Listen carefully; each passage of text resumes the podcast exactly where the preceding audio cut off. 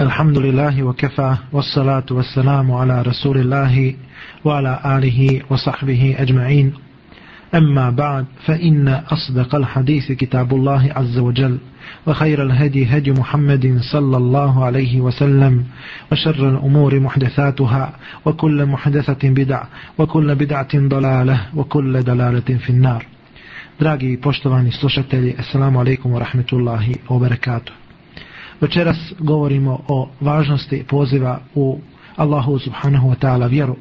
Govorimo o važnosti poziva ka Allahu subhanahu wa ta'ala nakon što smo shvatili šta je to ispravno znanje, šta znači posjedovati ispravno znanje. Nakon što smo se naučili kako respektirati islamsko znanje i kako respektirati islamske učenjake, učene u islamu i tako dalje.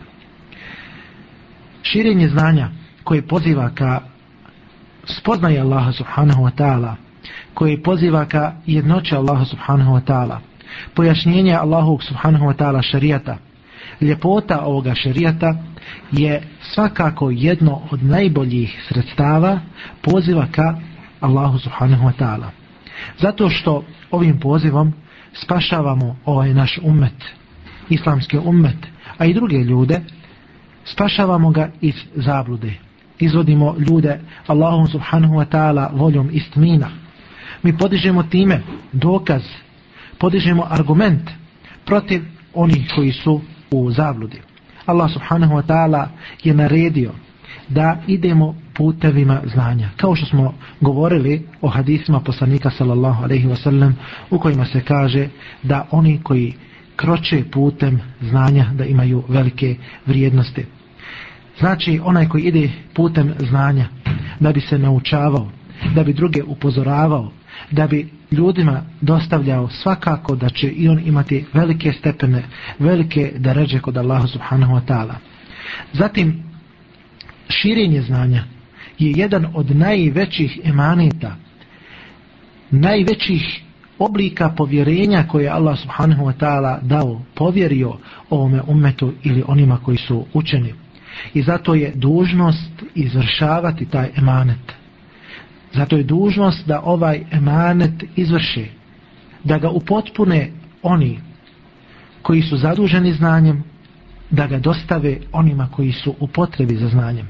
Zatim, musliman pita o, o tome znanju, traži to znanje kao što smo prošli put govorili. Isto tako musliman će biti pitan na sudjem danu, kada dođe pred Allah subhanahu wa ta'ala o tom znanju, da li je postupao po njemu. Zatim, veoma je važno da spoznamo koja su to sredstva ili načini za širenje znanja.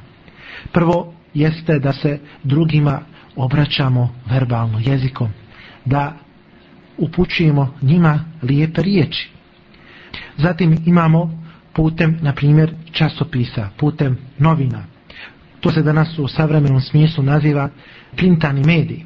Zatim putem radija, zatim pisanjem knjiga i tako dalje. Allah subhanahu wa ta'ala kaže فَلَوْلَا نَفَرَ مِنْ كُلِّ فِرْقَةٍ مِنْهُمْ طَائِفَةٌ لِيَتَفَقَّهُ فِي الدِّينِ وَلِيُنْذِرُ قَوْمَهُمْ إِذَا رَجَعُوا إِلَيْهِمْ لَعَلَّهُمْ يَحْذَرُونَ I zašto ne bi bila po jedna skupina iz grupe ljudi iz ovoga ummeta. Zašto? Znači od određenih grupacija ovoga ummeta ne bi bila mala skupina koja bi naučavala vjeru. Koja se podučava Allahu subhanahu wa ta'ala vjeri kako bi opominjali svoje narode.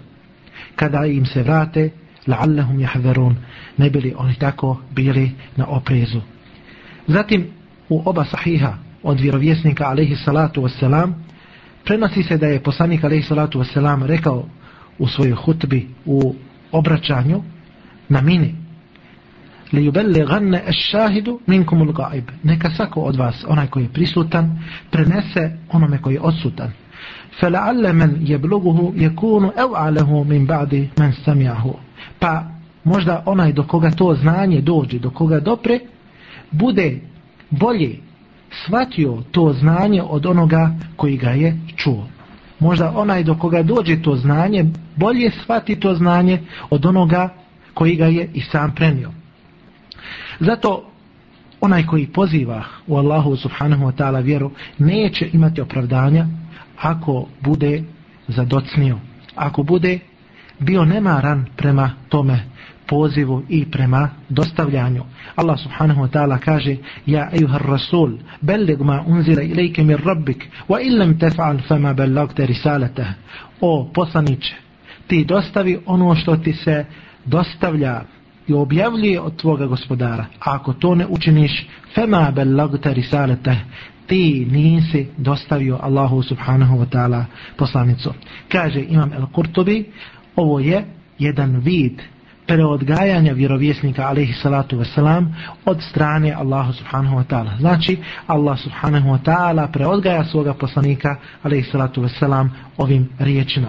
I također, ovo je jedna vrsta upute onima koji nose znanje iz umeta Muhammeda alaihi salatu wasalam da ne kriju to znanje muslimanu znači nije dozvoljeno da sakrije znanje jer i poslaniku sallallahu alejhi ve sellem nije bilo dozvoljeno da sakrije znanje prema svome umetu. I svako onaj koji kaže da je poslanik sallallahu alejhi ve sellem nešto sakrio ili da je zadržao za sebe određeno znanje nije ga dostavio svome umetu. Svako onaj koji kaže da je poslanik sallallahu alejhi ve sellem samo određenim ljudima dostavio nešto od znanja a drugima nije to dostavio, taj je slagao na poslanika, alaihi salatu vaselam. Znači, muslimani ne smiju kriti znanje, kao što ni poslanik, sallallahu alaihi wasallam, nije krio znanje i kao što njemu bilo naređeno da dostavi to znanje. Zatim, jedna od posljedica širenja ispravnog islamskog znanja u jednom društvu jeste da će svaki onaj koji je obavezan šerijaskim tekstovima znati šta je to njegova odgovornost i zbog čega je upravo čovjek stvoren. Svaki pojedinac će znati zašto je stvoren. Poslanik alihi salatu wasalam je dao primjer toga znanja. Usporedio je znanje sa kišom. Pa je poslanik sallallahu alaihi wasalam usporedivši znanje sa kišom jednostavno nama naznačio da i u znanju i u kiši je život za ljude imamo znanje, imamo kišu. U oboje je život za ljude. Znači, kada imamo znanje, to je život naših srca. Kada imamo kišu, to je život naših tijela. Zatim, ljude koji uzimaju znanje je poistovjetio sa zemljom. Neka zemlja je dobra, to jeste zemlja može donijeti prinose Allahom subhanahu wa ta'ala voljom, ona može biti zemlja koja će primiti usjeve iz koje će izrasti usjevi, a u nekim vrstama zemlje nema nikakvoga dobra. Od Ebu Musa'a el-Eš'arija radijallahu anhu prenosi se da je Allahu poslanik alaihi salatu wasalam rekao Meselu ma ba'athani Allahu bihi min al-huda wal ilm كمثل الغيث الكثير أصاب أرضا فكان منها نقية primjer onoga s čime me je Allah subhanahu wa ta'ala poslao od upute i znanja je kao primjer one obilne kiše koja padne na određenu zemlju. Fekana minha naqije, pa bude one zemlje koja je čista. Kabiletil ma, i ta zemlja primi tu vodu. فأنبتت الكلا i onda na toj zemlji izraste rastinje izrastu različite vrste trava وكانت منها أجادب أمسكت الماء فنفع الله بها الناس فشربوا وسقوا وزرعوا kaže a onda bude i ona zemlja koja zadržava vodu pa Allah subhanahu wa ta'ala putem te zemlje i putem te vode okoristi ljude, pa oni piju nešto od te vode, zatim napajaju svoje životinje i putem te vode koja je zadržana u toj zemlji, znači da ta zemlja ne propušta vodu, onda također koriste to za zalijevanje svojih usjeva. Zatim, kaže poslanik sallallahu alejhi ve sellem: "Wa asaba minha ta'ifatan ukhra, wa inma hiya qi'an, la tumsiku ma' ولا تنبت كلأ فذلك مثل من فقه في دين الله ونفعهما Pa kaže poslanik sallallahu alaihi wasallam u nastavku, a onda kiša padne na drugu zemlju, drugu vrstu zemlje, ali ta zemlja u istinu ne zadržava tu kišu i iz te kiše, iz te zemlje, kada dođe do njihovog spoja, ne izraste to rastinje, pa to je, kaže poslanik sallallahu alaihi sellem, znači donoseći rezime svega ovoga što je rekao, to je primjer onoga koji je shvatio i koji se podučio Allahu subhanahu wa ta'ala vjeri i to mu je koristilo. I primjer onoga s čime je Allah subhanahu wa ta'ala poslao. Pa je on saznao i druge podučavao. I primjer onoga koji se uopće nije obratio na ono što mi je Allah subhanahu wa ta'ala poslao. وَلَمْ يَقْبَلْ هُدَ اللَّهِ الَّذِي أُرْسِلْتُ بِهِ Niti je takav primio Allahovu uputu s kojom me je Allah subhanahu wa ta'ala poslao. Zatim o izvršavanju toga emaneta, dostavljanja u riječima Allahu poslanika sallallahu alaihi wa sallam se kaže Belligu anni walau aja wa hadithu an bani Israile wala haraj ومن كذب علي متعمدا فليتبوأ مقعده من النار od mene dostavite pa makar jedan ajet وحدثوا عن بني إسرائيل ولا حرج i prenosite predaje od Benu Israila, Izraelčana, ولا حرج i nema smetnje nikakve u tome. Ali naravno, zato postoje posebni šuruti, postoje posebna mjerila, odnosno parametri na osnovu kojih možemo prenositi predaje od Ehlul Kitaba. A onaj koji na mene namjerno slaže, neka se pripremi za mjesto u vatri. Inače, ovaj hadith prenosi se u sunenima. Zatim, onaj koji poziva kao Allahu subhanahu wa ta'ala mora precizirati svoje ciljeve. Mora znati šta mu je to krajnji cilj. Mora imati iskrene namjere prilikom svoga poziva. Znači, iza njegovoga poziva mora stajati nešto ka čemu on ide mora imati neki motiv, motivaciju koja ga postiče na to njegovo djelo. Naravno da osnovni motiv mora biti iskrenost prema Allahu subhanahu wa ta'ala i dostavljanje Allahu subhanahu wa ta'ala vjeri. Zatim, najveći poziv ka Allahu subhanahu wa ta'ala je u obliku poziva u Allahu subhanahu wa ta'ala jednoću. To jeste da ljudi iskreno vjeruju da Allah subhanahu wa ta'ala jedini zaslužuje da bude obožavan. Da ga ljudi smatraju jedinim gospodarem u odnosu na druga božanstva. Da Allah subhanahu wa ta'ala jedini sve određuje, da on uređuje, da on jedini stvoritelj.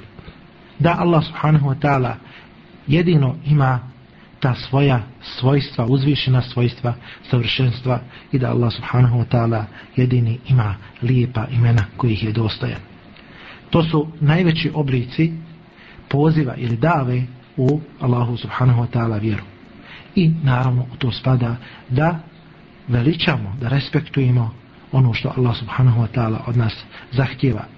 I naravno da budemo brižni, da budemo prijazni, da imamo blagosti i samilosti prema Allahu subhanahu wa ta'ala stvorenjima. Zatim, draga braćo, kada govorimo o ovoj tematici, moramo spomenuti i dostavljanje Allahu subhanahu wa ta'ala vjere, vrijednost toga i upućivanja na dobro. U pojašnjenju dostavljanja i vrijednosti dostavljanja vjere, upućivanja na dobro, postoji mnoge predaje od poslanika alaihi salatu wasalam.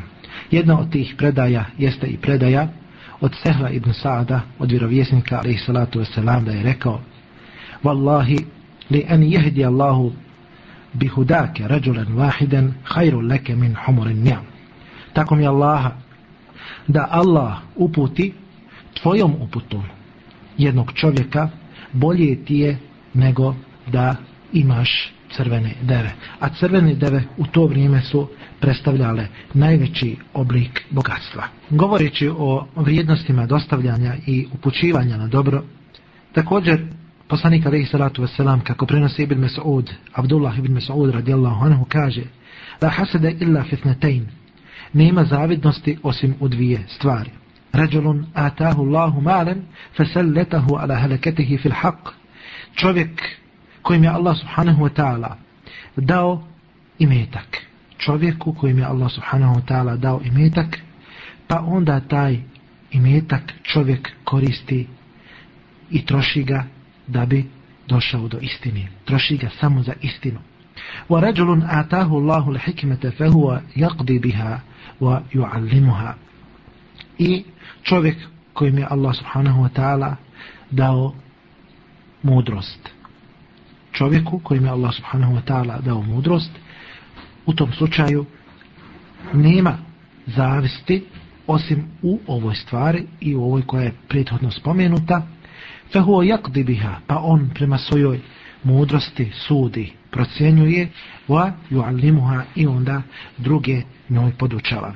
Od vjerovjesnika alaihi salatu wasalam se također prinosi da je rekao Nadar Allahu mra'an samja minna še'an fa bellagahu kema samja fa rubbe mubelligin evo mubelligin min samih neka Allah subhanahu wa ta'ala kaže poslanik sallallahu alaihi wasallam osvijetli lice čovjeka koji od nas nešto čuje pa to dostavi kao što je čuo pa možda onaj kome je dostavljeno bude bolje shvatio od onoga koji je to čuo i prenio. O vrijednosti znanja, o vrijednosti islamskih učenjaka, o njihovim stepenima, o Allahu subhanahu wa ta'ala dovi za takve ljude, o dovi meleka, o dovi stanovnika nebesa i zemlje, prenosi se da je Allahom poslaniku sallallahu alaihi wa sallam spomenuto nešto, a to su dva čovjeka. Jedan čovjek je bio pobožnjak, a drugi je bio alim, učenjak. Pa je poslanik sallallahu alaihi wa sallam rekao Fadlul alimi al abidi ke fadli ala ednakum. Prednost učenoga nad pobožnjakom je kao moja prednost nad vašim nekim čovjekom koji je najnižeg stepena. Inna Allahe o melaiketahu wa ahle samavati wal ard Allah i njegovi meleki i stanovnici nebesa i zemlje hatta an nemletu fi hudriha pa čak i mrav u svome domu u onoj rupi u kojoj živi wa hatta al hud pa čak i ribe le yusalluna ala muallimin nasil khair oni donosi salavat donosi blagoslov na onoga koji ljude podučava dobro kao što se prenosi od poslanika alihi salatu wasalam. Putem širenja znanja ostaje jedan trag. Ostaje trag dobra i poslije smrti onoga koji je širio to znanje. Od Ebu Hureyre radijallahu anhu prenosi se da je vjerovjesnik alaihi salatu wasalam rekao Men da ila huden kana lehu min al ajri misle uđuri men tebiahu la yun kasu min uđurihim še'a. Onaj koji bude pozivao ka uputi, onoj uputi koja je u skladu sa Kur'anom i sunnetom, znači, on će imati nagradu kao što će imati nagradu oni koji ga budu slijedili. Ali se od njihovih nagrada neće ništa izuzimati, odnosno oduzimati. وَمَنْ دَعَ إِلَى دَلَارَةٍ كَانَ عَلَيْهِ مِنَ الْإِثْمِ مِثْلُ athami men tabi'ahu la yunqasu min athamihim shay'a. Pa kaže onaj koji bude pozivao u kakvu zabludu, on će imati grijeha kao što će imati grijehe oni koji ga budu slijedili. I od njihovih se grijeha neće ništa oduzimati. Inače, ovaj hadis prenosi imam muslim, Ebu Dawud, et Tirmizi. Nema sumnje da je jedan od produkata, jedan od plodova poziva ka Allahu subhanahu wa ta'ala spas i na dunjaluku i na ahiretu. Da jedan od produkata također da Allah subhanahu wa ta'ala kod ljudi zasluži da bude jedino obožavan putem toga znanja. Znači kada širimo znanje Allah subhanahu wa ta'ala će jedino biti obožavan. Jedino će se njemu iskreno robovanje izražavati time se također i podiže, kao što smo rekli prethodno, Allahu subhanahu wa ta'ala argument na zemlji. Širenje istine, širenje pravde, jeste također jedna od posljedica širenja znanja. I to je svakako, draga braćo, jedan od oblika borbe na Allahu subhanahu wa ta'ala putu, jer su ciljevi borbe na Allahu subhanahu wa ta'ala putu i daveta, odnosno pozivi ka Allahu subhanahu wa ta'ala, isti. Isti su po, znači svome cilju i borba na Allahom putu i dava, odnosno poziv na Allahom put, isti su po svome cilju i po svome rezultatu, odnosno produktu. Jer znanje daje različite plodove. I svakako da ti plodovi nisu nikako manji od onoga što ima u dobro od borbe na Allahum subhanahu wa ta'ala putu. Od Ebu Hureyre radijallahu anhu prenosi se da je vjerovjesnik alaihi salatu wasalam rekao i da mate bro Adam kada čovjek umre sva njegova dobra djela se prekidaju osim u tri slučaja sedakatin džarije evo ilmin yun tefa'u bih evo veledin salihin jedu'u leh da čovjek iza sebe ostavi znanje kojim će se drugi ljudi koristiti, da iza sebe ostavi trajnu sadaku, na primjer u vidu vakufa, u vidu zadužbine kakve, i da iza sebe ostavi dobro dijete koje će moliti za svoga roditelja. Od Džerira ibn Abdullaha radijallahu anhu prenosi se da je vjerovjesnik alaihi salatu wasalam rekao Men senne fil islami sunneten haseneten fe umile biha ba'dahu kutibe lehu mithlu ajri men amile biha wala yunqasu min ujurihim shay. Kaže onaj koji u islamu ustanovi lijep običaj to jeste običaj koji u skladu inače sa Kur'anom i sunnetom jer pozadina ovih riječi poslanika sallallahu alejhi ve sellem odnosi se na jednu situaciju a to je kada je jedan od ashaba u džamiji donio jedan čup u kome je bilo dosta vrijednih stvari i to je udjelio na Allahu subhanahu wa ta'ala putu, odnosno siromasima. Pa su i ljudi počeli da daju još više. Pa je poslanik sallallahu alaihi ve sallam poslije toga izgovorio ove riječi. Znači, inače ovo djelo koji se ustanovi kao običaj mora imati osnovu u šerijatu. Ne može se u šerijat unijeti nešto novo što nije nikada priličilo šerijatu u doba poslanika sallallahu alejhi ve sellem odnosno objave. Znači ko ustanovi u islamu jedan lijep običaj kao što je bio običaj ovoga ashaba koji je ustanovio dijeljenje sadaki. Posticao je ljude na to.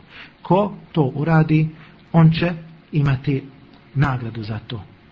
Ako ljudi budu postupali po tome, onda će mu biti upisana nagrada onih koji budu radili po tome, ali se od njihovih nagrada neće ništa oduzimati.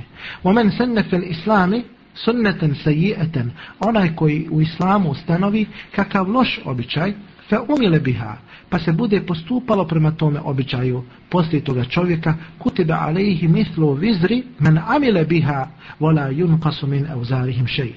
Oni će biti takvi da će im se upisati teret onih koji su radili ta dijela poslije njih, a od njihovih se tereta, odnosno grijeha, neće ništa oduzimati. Zatim, draga braćo, govorimo o skrivanju znanja i kazni koja slijedi iza toga, za onoga koji skriva znanje. Suprotno širenju znanja, kao što smo rekli, jeste skrivanje znanja. I svakako u skrivanju znanja i za skrivanja znanja se kriju poniženje, pokajanje na danu u kojem će sva dijela ljudi biti izlagana. Od Ebu Hureyre radijallahu anhu prenosi se da je vjerovjesnik alaih salatu wasalam rekao Men su'ile an ilmin faketemehu el džemehu Allahu biliđamin min narin jevmil qiyame.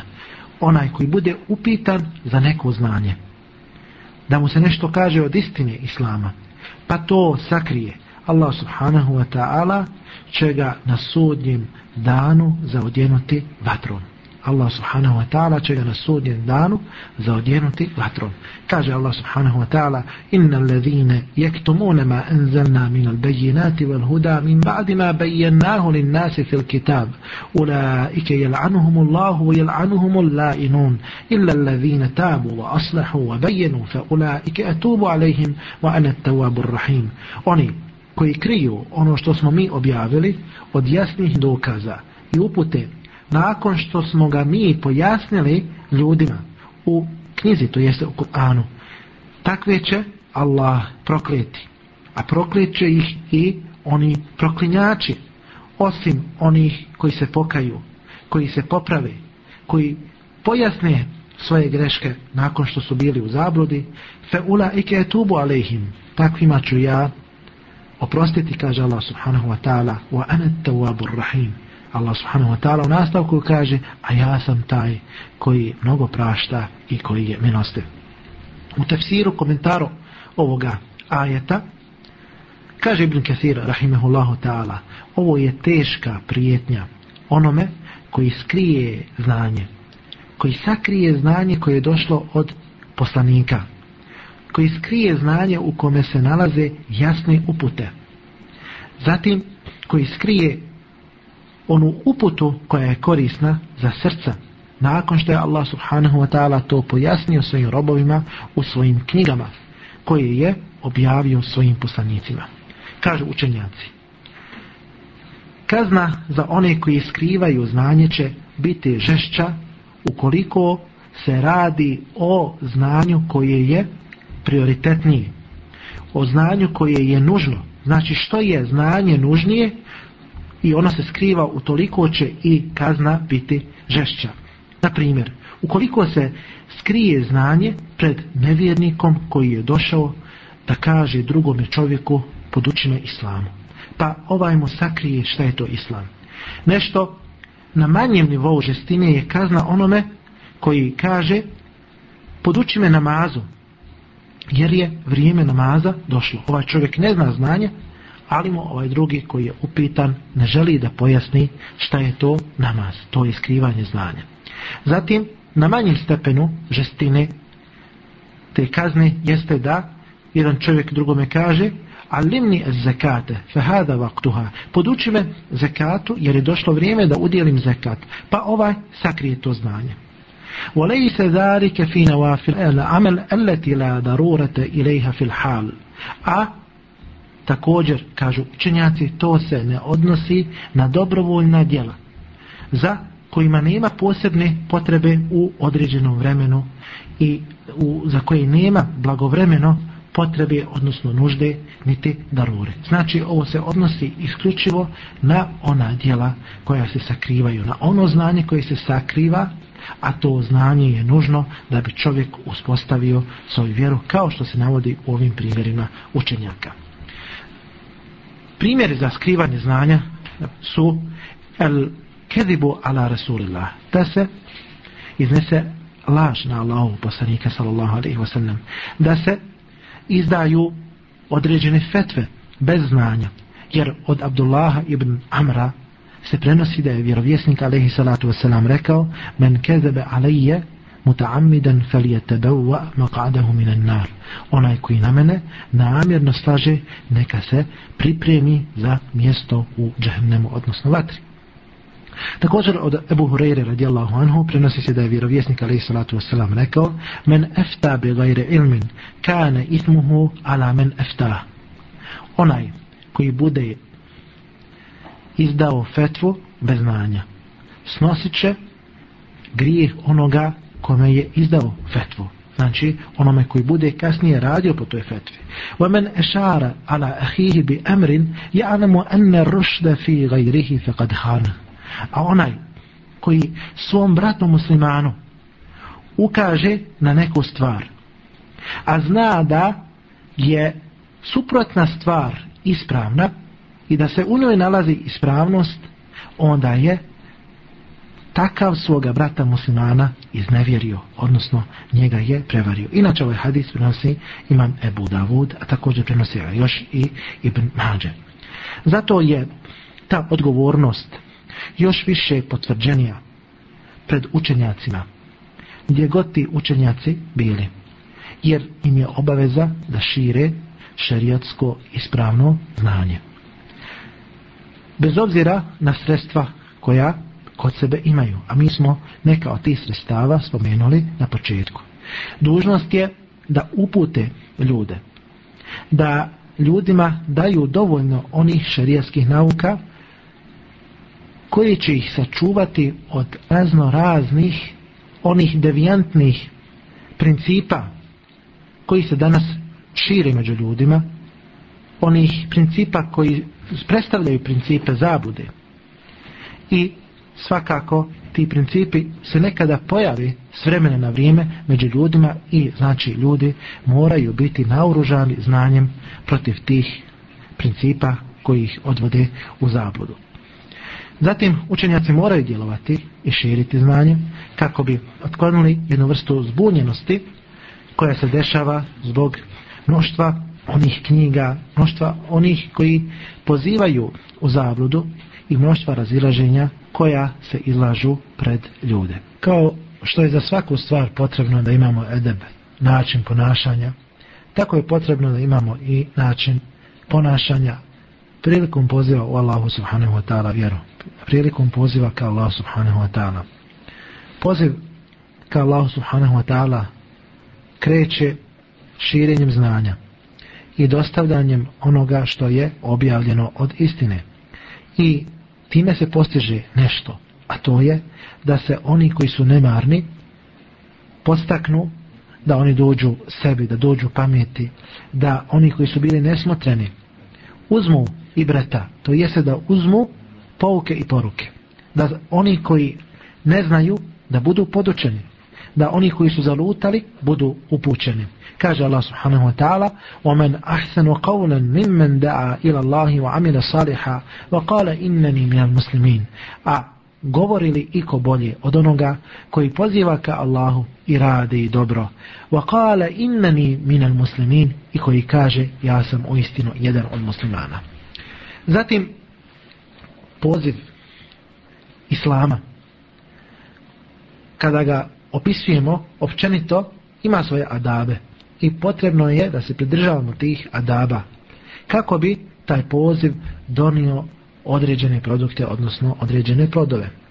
Jedan od najvažnijih produkta ili najvažnijih plodova svega toga jeste da poznajemo prilikom poziva Allahu subhanahu wa ta'ala vjeru Kur'an i sunnet. Kaže Allah subhanahu wa ta'ala Kul hadhihi sabili ed'u ila Allahi ala basiratin ane wa man ittaba'ani. Reci, ovo je moj put. Ja pozivam Allahu uz znanje. To jeste uz prosjećenost. Znam, prosjećen sam u pogledu Kur'ana i sunneta Allahove subhanahu wa ta'ala vjeri i tada pozivam. To su riječi Allaha subhanahu wa ta'ala koji su upućene Muhammedu sallallahu alaihi wa sallam. Reci Muhammede, ovo je moj put, ja pozivam ka Allahu uz znanje. Ene wa mani tebe'ani, ja i oni koji mene slijede. Zatim, onaj koji poziva ka Allahu subhanahu wa ta'ala mora imati vjerovanje. Mora biti duboko uvjeren u ono što poziva. I mora naravno raditi prema onome u što poziva, u što zagovara. Jer nezamislivo je da čovjek poziva u nešto, a da ne radi po tome. U tom slučaju se čovjek naziva licemjerom, odnosno unafikom.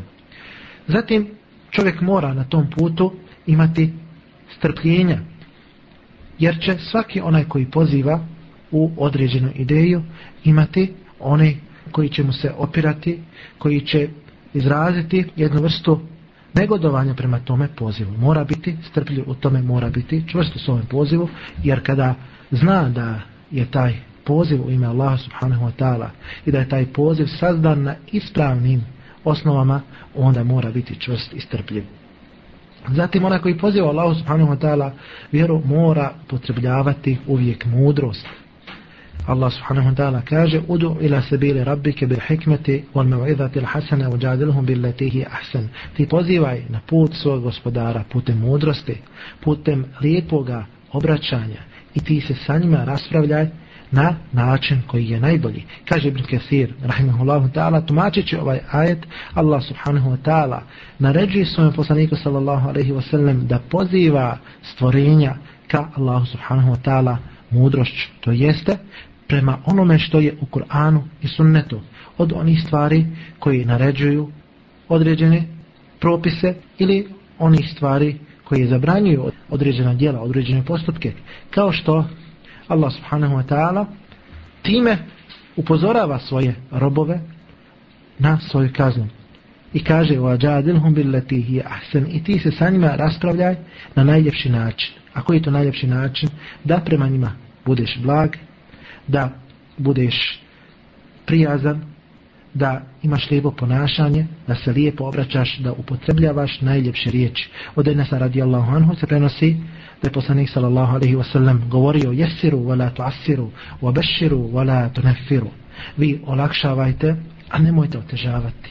Vi obradujte, a nemojte rastjerivati ljude. Zatim, onaj koji poziva u Allahu subhanahu wa ta'ala vjeru, mora ljudima povremeno se obraćati, moraju se formirati oni skupovi na kojima će se širiti znanje. Međutim, takvi skupovi ne trebaju da budu prečesti i ne trebaju da prijeđu u dosadu ljudima. A govor na Allaha subhanahu wa ta'ala bez znanja je svakako zabranjen kao što smo rekli i on je gotovo na stepenu širka. On je na stepenu širka. Kao što kaže Ibn Kajim rahimahullahu ta'ala da je govor bez znanja na Allaha subhanahu wa ta'ala karino širk. To jeste ortak širka. I to je jedna od najvećih zabranjenih stvari. Sam Ibn Kajim rahimahullahu ta'ala je rekao da je čak pozivanje u Allahu subhanahu wa ta'ala vjeru bez znanja i govor na Allaha subhanahu wa ta'ala bez znanja i veći od širka jer se taj grijeh ne ograničava samo na dotičnog čovjeka nego i na one koji poziva bez znanja i kojima širi određene ideje zagovarajući da su one od islama, one u stvari nisu od e, islama i na takav način ljude odvodi u zabludu. Znači da je to čak i gori od čirka kao što kaže e, valorizator islamskih tekstova Ibn Kajim Rahimahullahu Ta'ala uh, a govor na Allaha Subhanahu Wa Ta'ala bez znanja, ciljano ciljano bez znanja predstavlja kufr, nevjerstvo i svakako da ima ogromne štete i posljedice za ljude. Zatim, prilikom poziva drugih ljudi, moramo biti blagi, moramo imati lijep moral i ahlak. Kaže Allah subhanahu wa ta'ala, فَقُولَ لَهُ قَوْلًا لَيِّنًا لَعَلَّهُ يَتَذَكَّرُ أَوْ يَخْشَى Kaže Allah subhanahu wa ta'ala, obraćajući se Musa'u i njegovom bratu Harunu, koji dolaze pred taguta toga vremena, a to je Faraon. Nije Allah subhanahu wa ta'ala rekao da se obrate faraonu grubim riječima, nego je rekao fekura lehu qawlan nejinan. Vi se njemu blago, lijepo, prijazno obratite. Le Allahu je. Možda će on uzeti pouke i poruke. Možda će se on opametiti. Evo jahša ili možda će on postati bogobojazan. Kaže Ibn Kathir, rahimahullahu ta'ala, ovaj ajet u sebi nosi velike pouke velike poruke.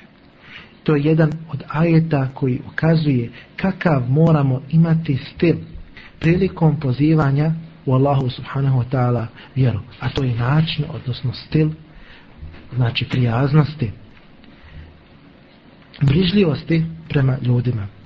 To jeste, vi njega opomenite, to jeste faraona, on se tumači ovaj ajet i razlaže ga, recite mu da faraon ima svoje gospodara i da će se tom svome gospodaru vratiti. Recite faraonu da postoji džennet i džehennem. I kada mu se budete obraćali, koristite najljepše riječi. Koristite onaj subtilan govor. Koristite lahke riječi. Tako ćete riječi ući na najlakši način u njegovu dušu, doći će do njegovog srca i sigurno da će tada te riječi biti korisne. Allah subhanahu wa ta'ala najbolje zna. Molim Allah subhanahu wa ta'ala da budemo od onih koji su shvatili šta je to vrijednost znanja, šta je to vrijednost naučavanja islamskog znanja u islamu. Da shvatimo kolika je obaveza onih koji imaju znanje. Molimo Allaha subhanahu wa ta'ala da budemo od onih koji šire ispravno islamsko znanje. Wa ahiru davana, alhamdulillahi rabbil alamin, wa sallallahu ala rasulina Muhammad, wa ala alihi wa sahbihi ajma'in.